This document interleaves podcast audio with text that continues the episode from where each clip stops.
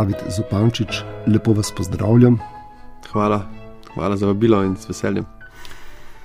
Pogovarjala se bova o vaši knjigi z naslovom Življenje v sivi coni. Približno vemo, kaj je življenje, kaj je ta siva cona. To je v najbolj direktnem pomenu eno od naših delovišč, ki je nastalo v resnici z epidemijo ko si za bolnika lahko sumo, da je okužen z novim koronavirusom in ga zaradi tega mogo tudi izolirati. Seveda, izvid brisa je pa, ko še nismo imeli hitrih brisov, trajal 3 do 4 ure. V tem času hudo boln človek ni mogel čakati, ne. je potreboval vso skrbo, zato si ga dal v neko cono, ki se je reklo siva cona, ker nisi vedel, ali bo ta bolnik pozitiven ali ne.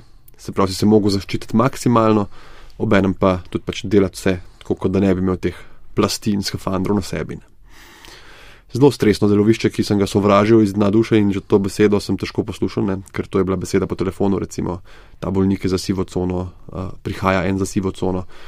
Tako da sem na koncu krmal sebe, sebe tudi presenetil s tem, da sem jo dal v naslovne. Velja, te sintagme ne bom več izgovoril, ampak v vaši knjigi nastopajo še drugi prostori. Rdeča cona, mm. bela hala. Kaj pomenijo te sintagme? Rdeča cona je pa zdaj, če greva na, kar naprej v tem mojem primeru, je to pa ta prostor, kjer pa so potrjeni primeri. Ta bela hala je pa meni v glavi ostal naš DTS, diagnostično-terapevtski servis, se mu reče, to je bila ta največja klinika znotraj klinike, ne, največji COVID oddelek v Sloveniji, ki je v resnici bil rdeča cona, ampak meni je ostal v glavi kot ta belina ogromna. Um, tragika te velike hale je bil občutek, da je jo je praktično nemogoče za, zapolniti, ne? tako da si nekako vedno bil v pričakovanju hujše katastrofe. Ampak to je mogoče mal ta Štokholm sindrom, zdaj le za nazaj, ki gledam, da sem se mal navezal na delo tam in na vse delavce, ki smo bili skupaj, kot sem tudi napisal v knjigi, brez večjih pogajanj, tja poslani. Domnevam, da je bilo delo v takšni coni, v takšnem prostoru, verjetno zelo stresno zlasti v Beli Hali. In ta prostor je bil prostor, kjer so bili ljudje nekako med življenjem in smrtjo. Vi ste pa dejali, da ste se nekako zbližali s sodelavci, sodelavkami. Kaj vas je zbližalo? Po resnici te zbliža ta način dela, zbližate to. To, to, to si je težko predstavljati. Ne. To je nekako, da bi šel v neki dr državi, seveda je takrat bil COVID glavna tema, glavna stvar, vsi smo o tem brali, vsi smo o tem razmišljali, in zdaj pa ti greš pa v največjo srce, ne, ta COVID-intenzivna enota, kamor se sploh ne moreš priti, če nimaš izkaznic službenih, uniform, dovoljen. In tam je nekih 20 ljudi in skupaj rešujete eno krizo, ki se vali dalje in ni čisto jasno, kje se bo ustavila. Ni čisto jasno, če boste zmogli, ni čisto jasno, kaj bo jutri, kaj bo dan zatem, koliko bo bolnikov, aj res premalo respiratorjev. Obenem pa so to ljudje, ki med sabo sodelujejo in en drugemu zelo pomagajo. In so ljudje, ki se tudi nasmejejo skupaj in pojejo sendvič hladen z, seveda, 4-metrsko razdaljo v sobi, da se ja ne bi tam, to bi bil katastrofa, ne, če bi se v tem kolektivu razširil virus. Um, in potem, seveda, veste, naše, naše delo se ne konča ob treh, ne konča se v petek, tako da z določenimi kolegi si, jaz sem bil recimo za Silvestrovo smo bili skupaj, um, se spomnim, v zadju neka glasba, nekje je rolala medtem, ko smo vizito delali. Um, skupaj si po noči, skupaj si za vikende, včasih si več z njimi kot z družino doma, kot z ženo. Uh, in se, mislim, smo prijatelji, če le nisi blazno konfliktna oseba. In na koncu, seveda, ko gledaš nazaj, ko si tam za vikend, ti nikoli ni krasno. Ne? Ko gledaš nazaj, si pa misliš, evo naša skupna izkušnja, skupna zmaga, to zdaj lahko rečem, ne? po tem času. Kako je vaša družina, natančne vaša soproga, sprijela, sprijema vaše delo? Zelo, zelo me podpira, to lahko rečem. In tudi, seveda, ji ni lahko, ker velikrat, ko sem v službi, je sama tudi z dojenčkom, sama pri uspavanju, pri nočnih hektikah, pri vsem. Vse pogrešamo, jaz njo, ona, ona dve mene. Um, je težko. In, in so večeri, so dnevi, recimo na večer pred dežurstvom, ko sedimo skupaj v dnevni sobi in oba ženo na nek način preklinjava moje odločitve v življenju in zakaj moram jutri ob osmih vstati, če pa vendarle sobota ne, in, in id v službo. Moram pa reči, da v vseh časih, ko sem imel največje dvome in ko sem razmišljal, pa se jaz bi to nehal, ne? jaz ne bi bil več zdravnik, to je pretežko. Je bila ona tista, ki mi je vedno znova rekla, seveda, podprla te bom, ne glede na to, kaj se boš odločil, ampak to je zate, ti, ti moraš to delati in tebi bo dolg čas v dveh dneh, če boš to službo pustil. In to je ena spodbuda, ki jo imam zelo rad, ker jo v resnici uh, velikrat potrebujem. Pa potiho, potiho mislim, da ima prav. no. Prej ste bežno omenili dežurstvo. Mogoče si vsi ne znamo predstavljati, kako poteka takšno dežurstvo. Ja, to je tudi, uh, če lahko navežem, ena od stvari, ki sem želel s to knjigo doseči, točno take stvari prikazati in to direktno in brez olepšav. Um, zato tudi eno poglavje specifično, ki samo o dežurstvu tudi govori in sicer o prvem potrjenem primeru. Um, in to, to so stvari, ki si jih ljudje ne predstavljajo, tako kot ste rekel. Ne. Mogoče kdo misli, če pridemo ob enih po noč na urgenco, bo pa manj gužve, ne, pa bo, pa bo mislim, jaz na ta način profitiral. Takrat je kader tako utrujen, takrat je kader, kadra manj.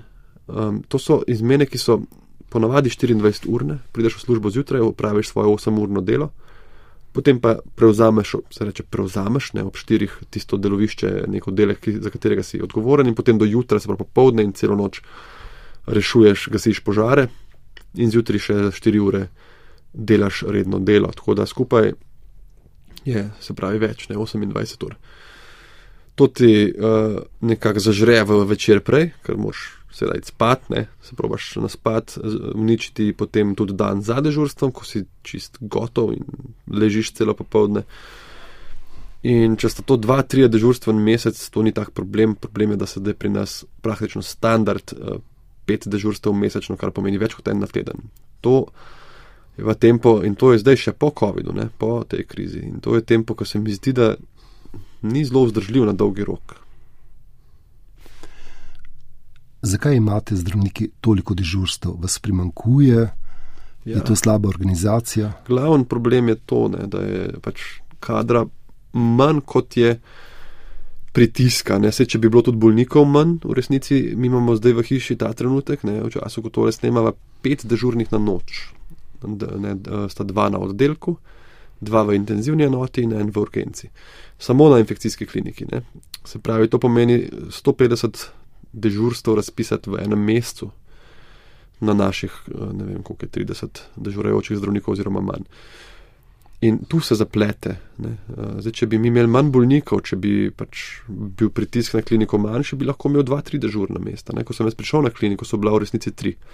Od COVID-a dalje jih je pet. Tako da dva smo pridobili, brez da bi bistveno več kadra dobili. Zakaj je tako malo, oziroma premalo dežurajočih zdravnikov? Tukaj rabiš pa seveda ti zdaj nek določen kader. Ne? Uh, potrebuješ specializanta, ki ni jih začel, ne? se pravi, da ima nekaj izkušnje, ali specialista. Um, nad 50 letom starosti se dežurati ni treba, uh, hvala Bogu. Ne? Dežurati ni treba tudi uh, staršem do tretjega leta otroka uh, starosti, se pravi, nekateri ljudje pač izpadajo, nekateri specializanti so še premladi, se, se še uvajajo, določeni specialisti so nad mejo starosti in zdaj imaš ti nek bazen dežurajočih ljudi, potem pa pride dopust, bolniška, kakorkoli že. Um, in karkoli pride, ne, to je ta stvar. Karkoli pride na katerikoli dan, je treba teh pet mest pokriti.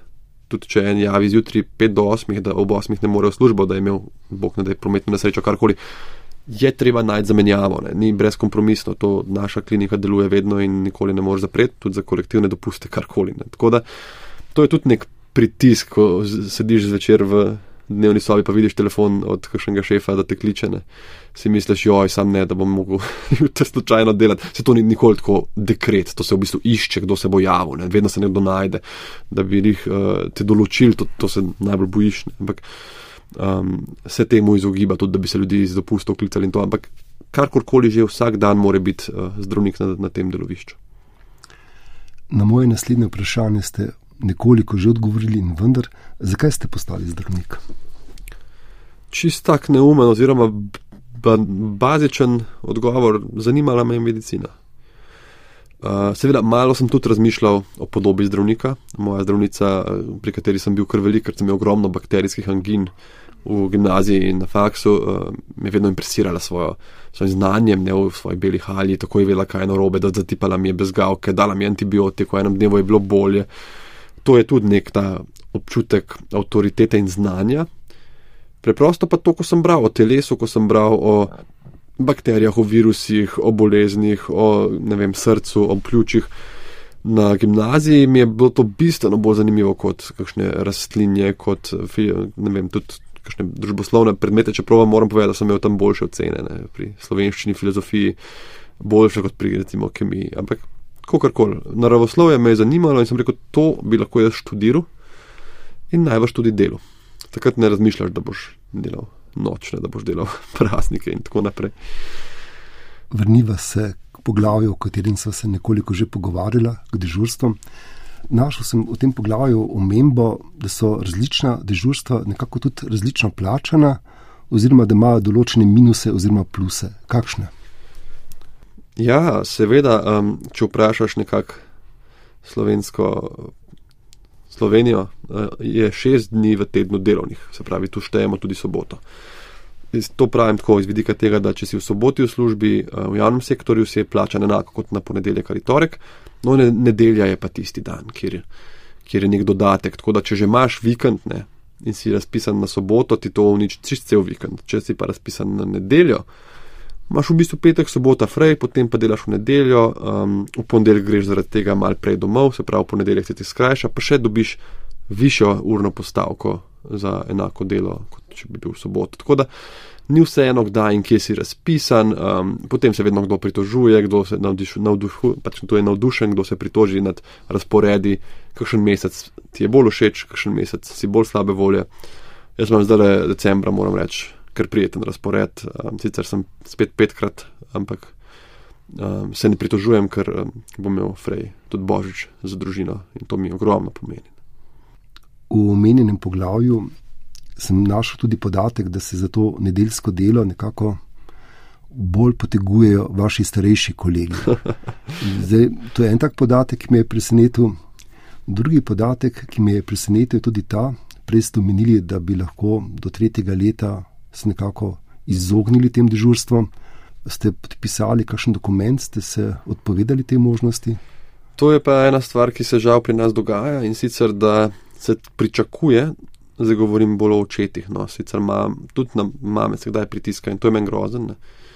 Nekako se pričakuje, da bomo kar vsi delali, se, če, če vsi delajo, je na koncu dela manj, to je neka logična stvar, ampak Tukaj jaz sem želel nekaj časa, v bistvu brez dežurstva, biti z družino, pa se mi je nekako jasno dalo vedeti, da to je nespremljivo. Ne. In um, to je tudi tak mal način, oziroma da ne rečem odnos, ki mogoče tudi brem za določen kader, da bi si želel delati na um, naši stroki, ne, konc koncev. Ker, pa želiš razumeti te razpisovalce, oni pač, kot sva pregovorila, kadra ni ogromno, ne?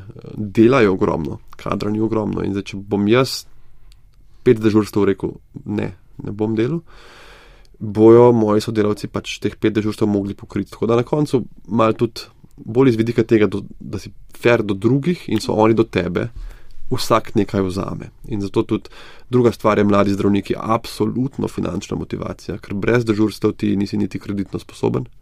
Um, in zaradi tega tudi veliko mam, mamic zelo hitro po porodniški začne tudi dežurati. To je ena taka žalostna stvar, um, ker dežurstva ti pač nad ure prinesejo. Tako da na koncu gre tukaj za neko solidarnost. Ne? Se jaz tudi um, nikakor ne bi tri leta, recimo, se temu čisto povedal, je pa, je pa kdaj težko. No, se ti zdi, da po eni strani, če kompliciraš v službi, da pa ne bi, pa mogoče, če me prosim, ne razpišete, pa tako se ti zdi, kot da nisi dovolj zagrizen zdravnik. Če pa v službi probaš delati čim več, potem pa se ti zdi, kot da boš razočaral svojo družino. Ne? In na koncu imaš občutek, kot da si razočaral obe strani in se hkrati nobeni popolnoma nisi posvetil. V tem svojem odgovoru ste bolj poudarili ta solidarnostni čut. Ja. V knjigi bolj pišete o tem kratkem sestanku, ko ste ja. bili postavljeni pred dejstva. Ja, to, kar mi je to bilo zelo pretresljivo v resnici, da se o tem pogovarjamo in da to ni moja odločitev. Ne? Da ni nekdo rekel, da rabimo te, zelo bi te radi imeli, ko boš pripravljen, prosim, uh, pridi nazaj. Ampak je bilo čisto dejstvo, mislim, se ni bilo dejstvo, zdaj pa boš letel. Ne. Ampak v smislu, tukaj se moramo zdaj skupaj pač skupaj delati in tisti, ki, ki se bo temu izogibal, bo manj verjetno imel prihodnost na kliniki na ta način. Ne. Zato je meni, recimo, to smotan, da to, kot sem tudi napisal. Zakaj potem obstaja ta pravica, če si lahko s podpisom odpoveš? Ne? Konec koncev bi bilo meni lažje, da me neko pravo brani in da me ne smejo pisati, dokler otrok ne zraste do neke leta starosti. Ampak kot, prav, kot sem prej rekel, najbrž bi to pravilo marsikomu močno otežilo življenje. Ne? Nekdo, ki ima recimo visok kredit in bi dobil otroka, ne bi smel dežurati, to bi bilo še huje iz tega vidika, ker če, če govoriva, da ta človek ne bi imel sploh izbire. Tako da na nek način še veda, seveda še vedno lahko jaz um, rečem ne, še vedno lahko ne podpišem soglasja, še vedno lahko prijavim mobbing, ampak pač ne želiš iti v konflikt. Ne želiš, ker po eni strani razumeš, da je kader, pač, da kader, uh, kader ni neskončno. In po drugi strani bom s temi sodelavci delal še 30 let in ne želim, pač, da se me zapomnijo kot nekdo, ki se umika, ki noče prispevati. Prej ste lepo opisali, kako je delo v Beli hali vplivalo tudi na vaše sožitje, sodelovanje s sodelavci, sodelavkami. Zanima pa me vaše mnenje, kako je epidemija vplivala na slovensko družbo. To je kar široko vprašanje. Mogoče zgoščeno. Ja, če lahko rečem, um, ko, to sem tudi napisal, da se mi zdi, da je te izredne razmere v človeku ekstreme potegnejo na plano. Ne? Pri nekaterih tisto najlepše, pri nekaterih pa tisto mogoče, kar je bož, da bi ostalo zakrito. Ena stvar, ki se mi zdi, je, da je žal se kar poslabšala nekako odnos do zdravstva in do zdravnikov. Um, seveda, položaj bolnika ta trenutek ni zavidljiv, niti z vidika osebnih zdravnikov, niti z vidika čakanja na urgenci, niti z vidika čakalnih dob za neurgentne posege na kovkih, dermatologih in tako naprej. In zdaj ob vsem tem, um, še ta zapiranja, ki smo jih zdravniki sicer velikrat zagovarjali, ne, treba razumeti, da so tudi finančno vprašanje različnih firm in tega. Tretja stvar je seveda vsa aktivnost sindikata trenutno in iz vsega tega pride ven nek vtis, da smo tudi zdravniki v bistvu tisti, ki smo krivi za te razmere, čeprav jaz moram tle reči, da smo mi tisti, ki si jih najbolj želimo urediti. Uh, je pa treba tudi z naše strani biti previden in tudi zdravniki morajo znati komunicirati z javnostjo in tudi zdravniki morajo znati razumeti skepse in razumeti, zakaj uh, nekdo, ki pač uh, ni prišel do svojega zdravnika že dve leti, ne bo tako izkočil in rekel, seveda morate zdravniki dobiti še više plačila. Mor, ti mu moraš razložiti, kaj bo to, recimo, plačna, dvig plač na redu, da bo to pritegnilo več kadra, da bo več kadra ostalo v javnem sektorju, da bo lažje delo. Nekako, komunikacija je bistvenega pomena in jaz tudi upam, da sem, zato sem tako vesel, da veliko ljudi bere to knjigo, ker dejansko jih, ker sem s to knjigo želel skomunicirati nekako to plat zdravnika, ki je bolj človeška in bolj krvava pod kožo. In tudi naše dvome in naše želje, vse, kar si mi tudi želimo z zdravstvenim sistemom, ker ta nekakšna ideja, da smo zdravniki proti bolnikom, je pač napačna. Če bo zdravnik zadovoljen s svojo službo, bo bolnik pri tem zdravniku imel absolutno najboljšo obravnavo, ker zdravnik bo zadovoljen kdaj, takrat, ko bo imel dovolj časa, da premisli, dovolj časa, da se spočije, dovolj um, hiter laboratorij, dovolj dostopen ultrazvok, da bo lahko dobro delal, naše delo je pa pač delo z bolniki. Prej ste dejali, da bi zdravniki morali. To pomeni, oklepajo, da tega ne počnejo. In ko se spomnim dni in mesecev epidemije, imam občutek, da sta tako vlada, kot tudi stroka imeli precejšnji težavi, težave s komunikacijo z javnostjo. In me zanima, ali bi način komunikacije, kot ga prakticirate v svoji knjigi, skratka, z nekimi priznanji, da so trenutne meje, da obstaja gotovost, ampak tudi negotovost in tako naprej. Ali bi takšen način komuniciranja pomagal pri sami komunikaciji? Zagotovo. Sicer tukaj pri komunikaciji strani stroke so bile tudi uh, velike razlike in veliko tudi dobre, se mi zdi, komunikacije. In ravno to, kar sva zdaj rekla, da je bila negotovost v stroki, ne, da je recimo ena infektologinja šla na televizijo in povedala eno stvar, potem pa čez dva tedna je rekla, no zdaj pa vemo, da recimo eh, maske zdaj priporočamo vsem, prej pa nismo. In ta uh, niti ne negotovost, ampak to sprotno učenje, kar je bistvo znanosti, mm. so ljudje interpretirali kot neznanje. Ker ljudje, vsi imamo najraje, nekdo pride in nam pove, tako to je in tako to bo. Pri COVID-u to ni šlo. Uh, pri COVID-u to ni šlo, ker je bil virus nov, bolezen nova, učili smo se sproti. In stroka je bila negotova, to se je kdaj videlo, se pa jaz bojim, da ni tako, kot ste rekli, da je to bilo kot pozitivna komunikacija vzeto, ampak bolj kot to, da ne znamo. Seveda, komunikacija v takem času je izjemno bistvena, izjemno in um, mislim, da smo se vsi trudili, druga, drugi, druga težava je pa, da smo bili večinoma zdravniki tudi tako utrujeni od dela, da kdaj nismo zmogli. Jaz se spomnim, da sem veliko tudi prošen za izjave, intervjuje zavrnil, ker nisem mogel po službi govoriti še o COVID-u. Enostavno mi je bilo preveč. In to, da sem lahko zdaj v miru strno misli v tej knjigi, kjer sem povedal tudi, kaj, kaj mislimo o ukrepih, tudi kaj mislimo o tem, kako se je triažiralo, kako se je zdravilo. Sicer um, sem se za nalaž nisem pisal knjigo, ki bi se brala. Tako kot so se brale novice, se pravi o cepljenih, o maskah, to mislim, da imamo vsi tega dovolj in tega noben več noče brati. Ampak predstavil sem svoj pogled in za vsem, kar piše, stojim za vsakim stavkom. Ja. David Zapančič, predn vas bom prosil, da nam preberete odlomke svoje knjige, me še nekaj zanima. V slovenski družbi je prišlo v času epidemije do neke vrste razcepa. In zelo dosti ljudi je bilo anticepivcev, bili so skeptični, množile so se teorije zarod. Kako vi razlagate ta družbeni fenomen? Ker imamo občutek, da je nekako komuniciranje skupnosti tudi na tej točki nekako zastalo. Ja, je, to je tudi malo direktna posledica tega, da smo bili tudi v hudih stiskah, ljudje vsi. In takrat je pač lažje verjetno nekomu, ki ti reče, nič ni hudega, v resnici ti vsi lažejo, kot pa nekomu, ki reče, da situacija je resna, moramo se zdaj vsi zaščititi, prosim, cepite se. Po drugi strani so ljudje bili prestrašeni, uh, spremljali so neželene učinke bolj kot pozitivne učinke. Cepivo je bilo novo, um, spet komunikacija je bila bolj usmerjena v prosim, naredite to za, za sebe in za druge, ne pa toliko v nekak to preverjeno znanost, ki je za vsem tem. Tako da um, treba je nekako razumeti, zakaj pride do teh teorij zarot, če hočeš se z njimi potem tudi pogovarjati in mogoče kakšnega teoretika dobiti na svojo stran. Bi se morali v družbi več pogovarjati? Jaz mislim sicer, da je pogovora bilo zelo veliko, bolj je problem, da z nekateri enostavno niso želeli tudi nič prisluhniti. Nič. David Zapančič, bi nam prosim prebrali kratek odlomek iz svoje knjige? Uh, seveda, z veseljem. Zdaj, glede na naslov in na to, kaj se pogovarjava, sem jaz zbral kar en odlomek iz sive cone, se pravi, in tako bolj akcijski odlomek iz urgence. Gospoda pripeljajo reševalci, oblečeni v široke plastične plašče in opremljeni s plinskimi maskami.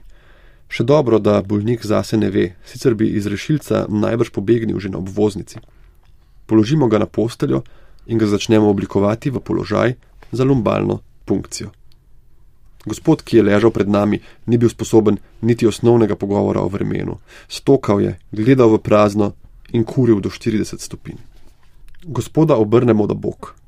Trije se spravimo na njegov trup in okončine, da bi ga čim bolj usločili in razprli medvrtenčne prostore. Tu se zakomplicira. Gospod oživi. Kot v nekem trmastem refleksu se ob poskusu fleksije telesa zakrči, stegne v popolno ekstenzijo, stopalo brcne v monitor, ki je bil na spodnjem delu postelje. Še dobro, da imamo preprosto in trdoživo, ne pretiroma moderno opremo, ki se le stežka razbije. Gospoda zgrabim za desno roko. Deloma zato, da bi ga umiril, predvsem pa zato, ker ima v to okončino napeljan intravenski kanal in me skrbi, da si bo med borbo spulil dostop za antibiotično terapijo. Moj prijem mu ni všeč. Z nenadno in nepričakovano močjo udari nazaj s komovcem in s preciznostjo izkušenega karateista poišče moj pleksus. Dih mi izgine iz pljuč, podobno kot v osnovni šoli, ko te je v prsni koš zadev šut nogometne žoge. Medtem se bolnik na našo veliko žalost spomni, da ima tudi funkcionalni spodnji okončini. Brca, ki je čez pol ambulante poslala naš aparat, je bila šele uvertura. Zdaj moški maha, brca, glasno kriči in medtem panično gleda od enega do drugega. Nikogar ne pozna, ničesar ne razume. to je en odlomek, ko smo obravnavali bolnika, za katerega se je izkazalo, da ima hudo okužbo centralnega živčevja, temu se reče gnojni meningitis. Um, obravnavali smo ga v sivi coni kot sum na COVID, čeprav je bilo kar, tako bi rekel, skoraj jasno, da to ni to. In um, vsa ta obravnava, ki sem jo bral in ki se še potem nadaljuje, je bila še dodatno otežena, ker v sivi coni si oblečen v skafandre, v maske, ki se rosijo. Tako da je bil en tak uh, zelo akcijski del, ki sem se ga zapomnil in ga tudi ovekovečil na ta način. To je bil zdaj odgovor zdravnika. Zdaj pa me zanima odgovor pisatelja. Zanima me vaš pisateljski užitek. Kdaj ste pisali, kako ste pisali, ste komu brali, kako ste brali, kakšne so bile prve reakcije, kako je rasla ta vaša samozavest. To je velik užitek. to sem razvil s časom. Ko začneš prvo poglavje, dva, mogoče tri, se ti zdi, da ni nič povezano, se ti zdi, da si v tem nov, ker v resnici si. Um, ko pa začnejo stvari klikati, ko neko poglavje napišeš, potem odpreš enega starega, dodaš perfektna še dva stavka, pošleš samo poslal očetu, ženi, prebere, pride nasmejan nazaj ali pa slišiš iz druge sobe smeh, slišiš, kako je zatopljen.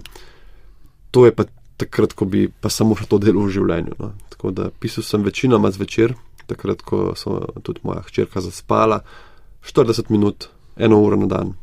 Um, in moram reči, da se zelo veselim, da me spet prime, ker, kot ste rekel, veliko užitek. Boste pisali knjigo o očetovstvu? Direktno mislim, da ne, da bi bila čist cela o tem. Kot pa vidite, tudi, ko ste prebrali to knjigo, upleteno v marsikaj, ker je to ogromen del mene in me spremlja v službi. Še zadnje vprašanje v zvezi z vašo knjigo. V svoji knjigi pišete na dveh, treh, mogoče celo na štirih mestih o lenarjenju. Zakaj je lenarjenje pomembno, še zlasti za narod, ki ima neke vrste samo predstavo, da je zelo deloven? No, ravno zaradi tega, da, da je ta sama predstava je super in super, da imamo projekte. In jaz tudi sem človek, ki je produktiven in na visokih obratih dobro funkcionira, ampak um, za preživetje je pa tudi nujno, da se kdaj umiriš. In ta kronični stres, stalno prisoten, pač ni zdrav. Stres je evolucijsko se razvil za tistih 20 sekund, ko tečeš od nevarnosti, ko plavaš v droči reki, ne pa za vsak dan več ur, vsak teden. In da se ustaviš, se uležeš, spreš oči, se usedeš, samo piješ čaj, samo gledaš v luft, samo dremaš, če ne drugega, ti lahko reši življenje. No. Res. In to jaz bi to kar na recept predpisoval. Upam, da so vas slišali ti, ki odločajo o receptih. Kočala je bila odlična ideja. David Zapančič, žal se naj en pogovor naglo bliža koncu. Koncu se bliža tudi leto 2022. Za nekatere je bilo težko, za nekatere lahko, zagotovo je bilo težko za kolege in kolegice v informativnem programu televizije Slovenija. In ob koncu oddaje bi se vprašal, kaj želite poslušalkam poslušalcem programa Ars. Jaz želim eno, en lep konec in en lep začetek. Predvsem se je dobro zavedati, da zelo redke stvari, zelo malo stvari v življenju je samo lepih ali pa samo napornih. Ena stvar, ki mi skoči v glavo, je starševstvo, druga moja služba. In da tudi v težkih trenutkih znamo najti kakšne žarke upanja in lepote. In tudi če kdaj med kakšnimi res lepimi trenutki rata težko, to sprejmemo kot del življenja in gremo naprej. David Zapančič, hvala za vse troje, za vaše branje, voščilo in seveda tudi za pogovor. Z veseljem, hvala vam.